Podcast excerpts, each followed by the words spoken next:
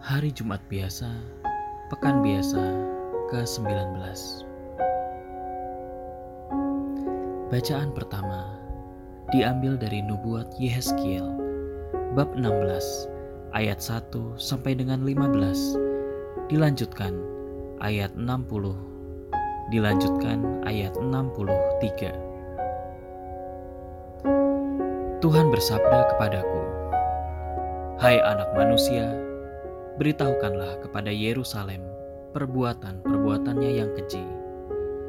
Katakanlah, beginilah sabda Tuhan Allah kepada Yerusalem. Engkau berasal dan lahir dari tanah Kanaan. Ayahmu orang Amori, ibumu orang Het. Kelahiranmu begini. Waktu engkau dilahirkan, pusarmu tidak dipotong engkau tidak dibasuh dengan air supaya bersih, juga tidak digosok dengan garam atau dibedung dengan kain lampin. Tidak seorang pun merasa sayang kepadamu, tidak seorang pun melakukan hal-hal itu kepadamu, terdorong rasa belas kasihan. Malahan engkau dibuang ke ladang, karena orang memandang engkau hina pada hari lahirmu Aku lewat di situ dan melihat engkau menendang-nendang dengan kakimu sambil berlumuran darah.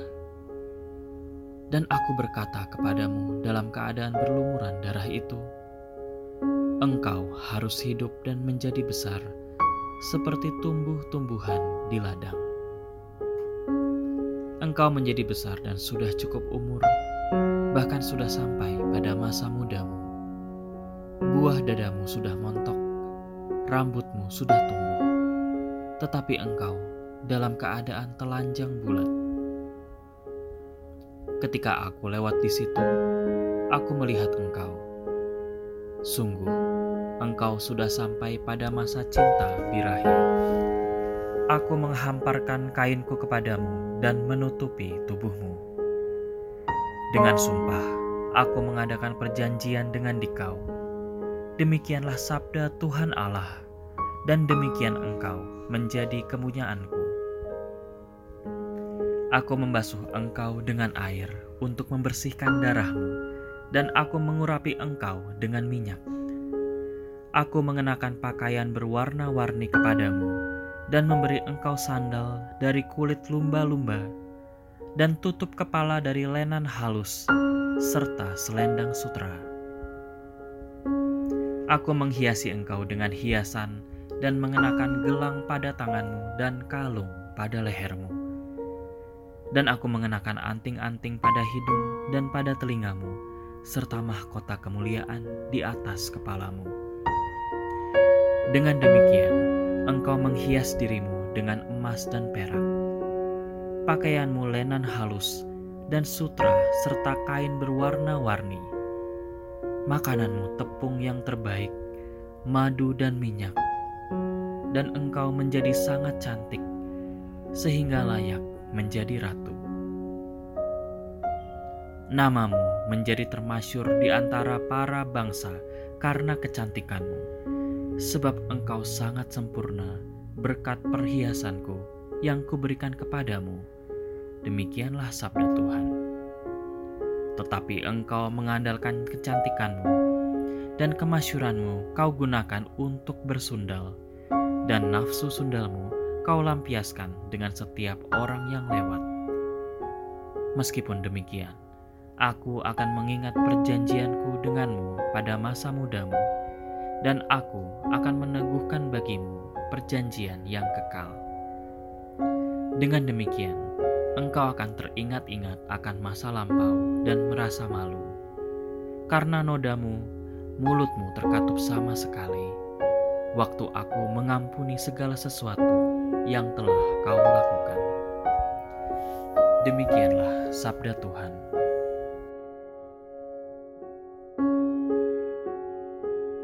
Bacaan Injil diambil dari Injil Matius bab 19 ayat 3 sampai 12.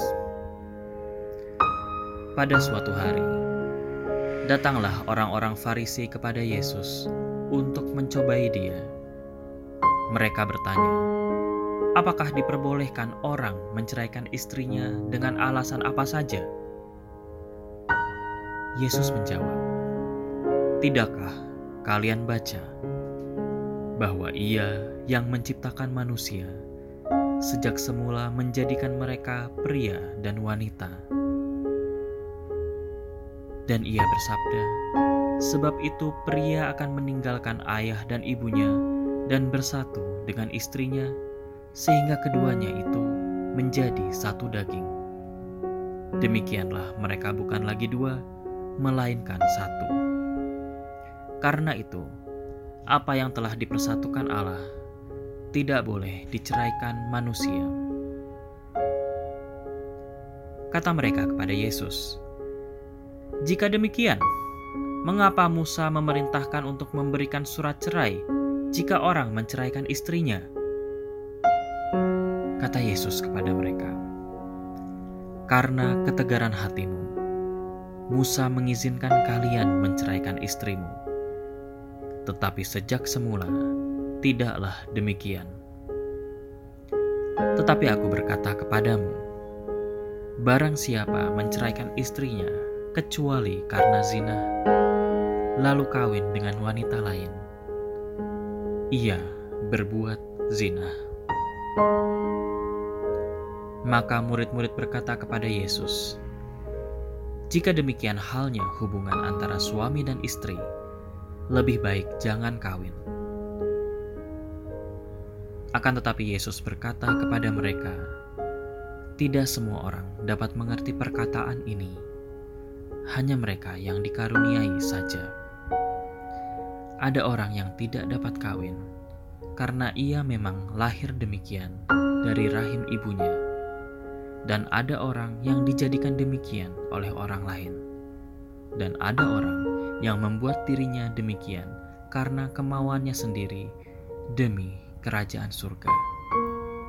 Siapa yang dapat mengerti, hendaklah ia mengerti. Demikianlah sabda Tuhan.